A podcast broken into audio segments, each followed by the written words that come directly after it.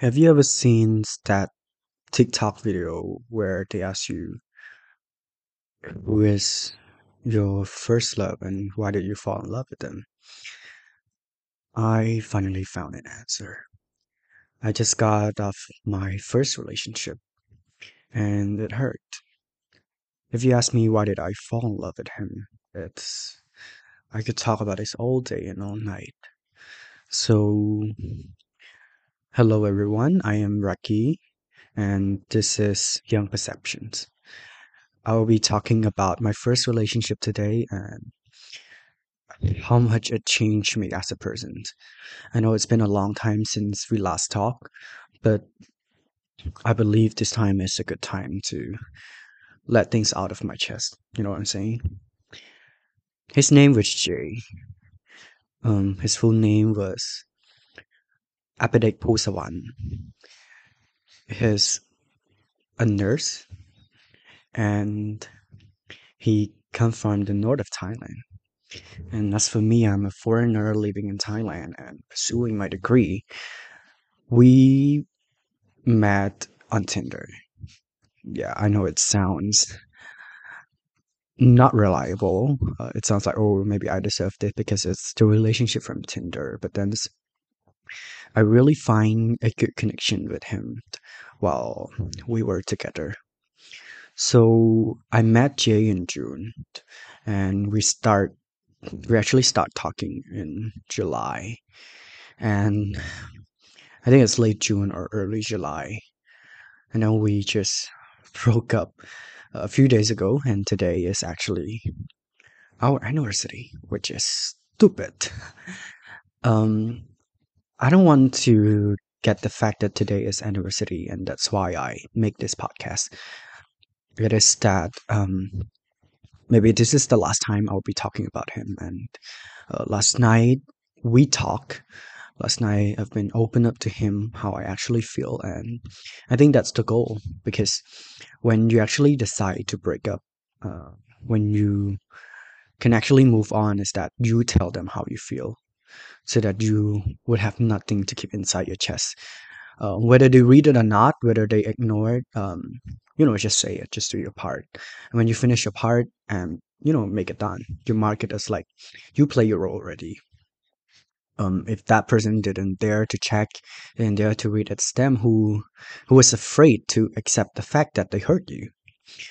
So Jay and I start off very um, unexpectedly because he's a nurse. He worked at um, hospital where I sometime been to, and you know we started from there, and then um, we met on Tinder, and I get to find out our Jay is actually like boys, and um, we were talking for about I think it's three week, and then I asked him to be my boyfriend. I know it fast, but then um, you know love is at its spark. I was really excited um, and thought that I would spend longer time of my life with him, but unfortunately, I I didn't get that. Um, it's hard to say because you know we can force someone to love us, nor force ourselves to love someone. Or I can say love can be forced. I mean, if um, someone doesn't love you, you you cannot do anything about it, and if you don't love someone, it's the same. It's just that you cannot do anything about it either. Beside, uh, you let them go so that they can uh, find a better person.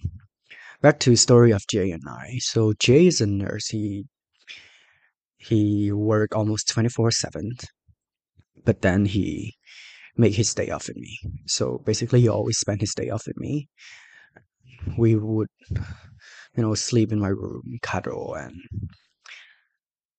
it just short time, but then I value those moments very much. I appreciate that he spent the day that he free from work with me, and I actually feel special.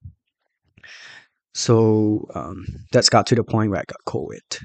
So he's a nurse, you know, I got COVID, and he was taking care of my medications and insurance and everything. That's when I decided um, no, not I decide. It's like that's when I see, oh, he he's the one. But then I didn't realize that it's actually a bare minimum. It's like all he was given to me was a bare minimum. It's like every couple would do that. Um, there's nothing special, but you know, for someone like me who never received that type of affection, that type of love, I feel special in a way. And you know, we keep talking every day, and I couldn't go a day without thinking about him until um, I was the one who, you know, when he start to reply my chat late, I understand that there's his work, but then it's me who wants to know more about him. So I check his Facebook and I realized that he blocked me on Facebook for a reason that he was scared I would see his picture with his ex-boyfriends.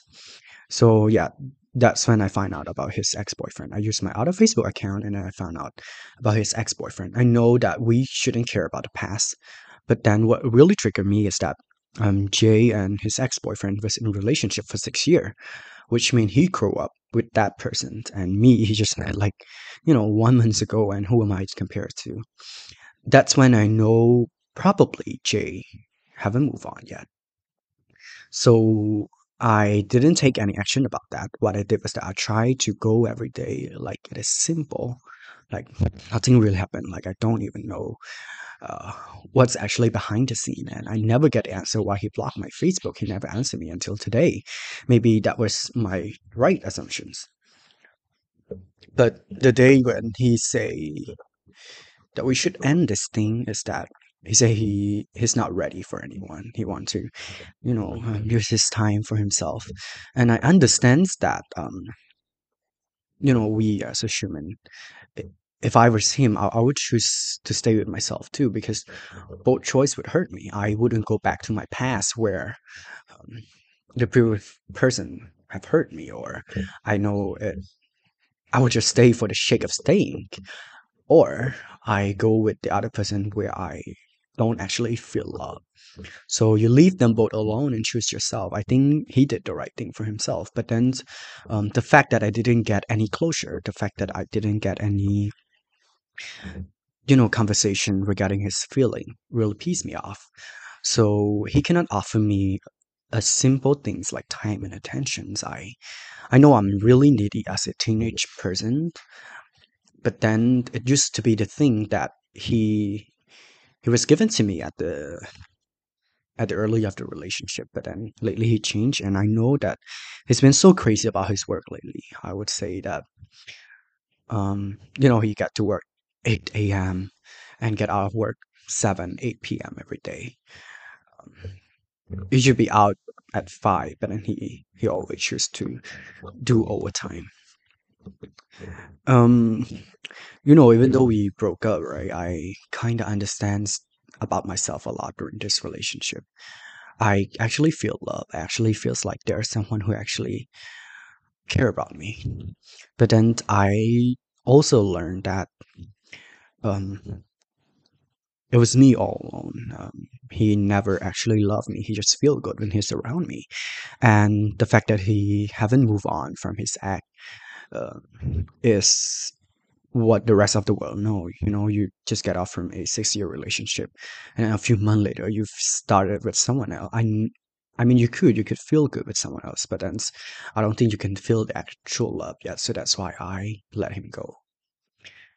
Um, you know, I've been crying for days and week, but then now I start to accept that. Um, yeah, um, he's no longer a part of my life, and I accept the fact that um, we met for a short period of time, and that uh, and that was a gift. You know what I'm saying? Even though it's hurt, but then I appreciate that um, there's a time where we shared good moment together. To Jay, I know that you're a good person, but what you did to me hurt me so much, and I I don't tolerate the behavior. I I won't stay for a relationship where I put my self-worth down, where I doubt my self-worth. I I cannot sacrifice myself so that I can love you. Um, I feels like the more, you know, I don't know why texting you every day, giving you all you need to feel love, actually to turn out only to decrease your interest. I know psychologically, um, people would take anything for granted when they know it would stay. So I know you take me for granted because you know I would stay, I would be there for you. But then, you know, I I made my decision, and I don't think I can stay in a relationship where someone haven't don't give me as much as I gave to them. I don't know what the future hold, and you know, I don't know if we ever met again. I don't know if there's any timeline where we get to share any moment together. But then I wish you all the best. I, if there one wish I could wish for, I, I wish you would have happiness with a person who loves you the most. And as for me, I, I've been single for 19 year, I guess. Um, no one actually got to be my first boyfriend, and you are. But then I appreciate everything that we did together. Um, but then I, I've learned this as a lesson, and I don't, I don't think I can actually feel love again. Actually, I, I don't think I could ever love like this again. So I hope um, you're not too hard on yourself, and we'll meet again when and where the destiny take us.